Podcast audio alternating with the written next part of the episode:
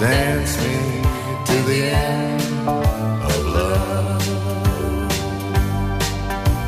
Dance me to the end of love. W otoczeniu koleżanek z chórku Leonard Cohen z słynnym miłosnym songiem.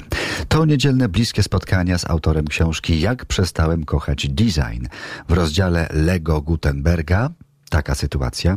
Autor lubi słynne duńskie klocki, idealnie dopasowane kolorowe moduły, system, gdzie wszystko do siebie mm, pasuje.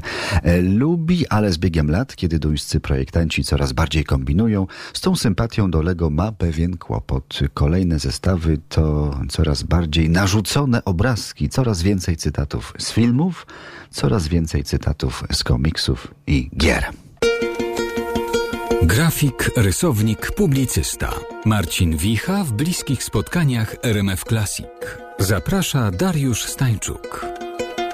Ja opisuję historię klocków Lego, dlatego że klocki Lego to była taka konstruktywistyczna zabawka. Taki konstruktor, w którym z dosyć ograniczonej puli, dosyć prostych elementów można było zbudować prawie wszystko w projektowaniu i w designie też to jest często nawet jako metafora przytaczana, że projekt może być jak, jak klocki Lego, czyli że właśnie tworzymy jakiś e, podstawowy moduł, a potem mhm. powtarzając ten moduł i komponując kolejne moduły możemy tworzyć bardzo skomplikowane struktury, co jest jakoś tam takim klasycznym myśleniem konstruktywistycznym właśnie. Więc taka szalenie była inżynierska zabawka, tak? I rzeczywiście jest coś takiego, że w Znaczy ta ewolucja poszła w jakimś niezbyt fajnym kierunku, prawda? W niepożądanym. Tak, chociaż ja te, też jednocześnie niesłychanie kuszącym, bo te zabawki robiły się coraz bardziej atrakcyjne, coraz bardziej skomplikowane, ale też coraz więcej elementów było już takich sprefabrykowanych, No coraz właśnie. więcej było... Preinstalacja świata, prawda? Tak, tak. I też za tym szło właśnie takie różnicowanie. To znaczy, że jeszcze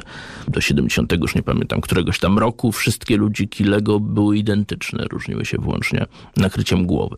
A potem się nagle okazało, że tych ludzików przybywa i w tej chwili jest tam, nie wiem, tych minifigurek jest w katalogu bodaj czy nie ponad tysiąc. E, w związku z czym rzeczywiście jest coś takiego, że konstruktywistyczna taka asceza tych elementów zniknęła. Ale też mam wrażenie, że rozmawiając już po napisaniu tej książki z różnymi osobami i wysłuchając różnych opinii, przekonałem się, że jednak byłem niesprawiedliwy. To znaczy, że sobie nie zdawałem sprawy z tego, że dzieci są w stanie nawet z tych e, całkowicie zaplanowanych elementów, takich i szalenie skomplikowanych, zrobić coś kompletnie innego. A, to już inna sprawa, właśnie. I że mm, taka dziecięca kreatywność i potrzeba, żeby zrobić to inaczej niż e, jest zalecone, jest tak potężna, że nawet jeśli te zestawy są coraz bardziej skomplikowane i coraz więcej w nich jest tych elementów o coraz mniejszej ilości przeznaczeń, to i tak są w stanie jakoś do takich konstruktywistycznych zabaw posłużyć. I to jest fantastyczne.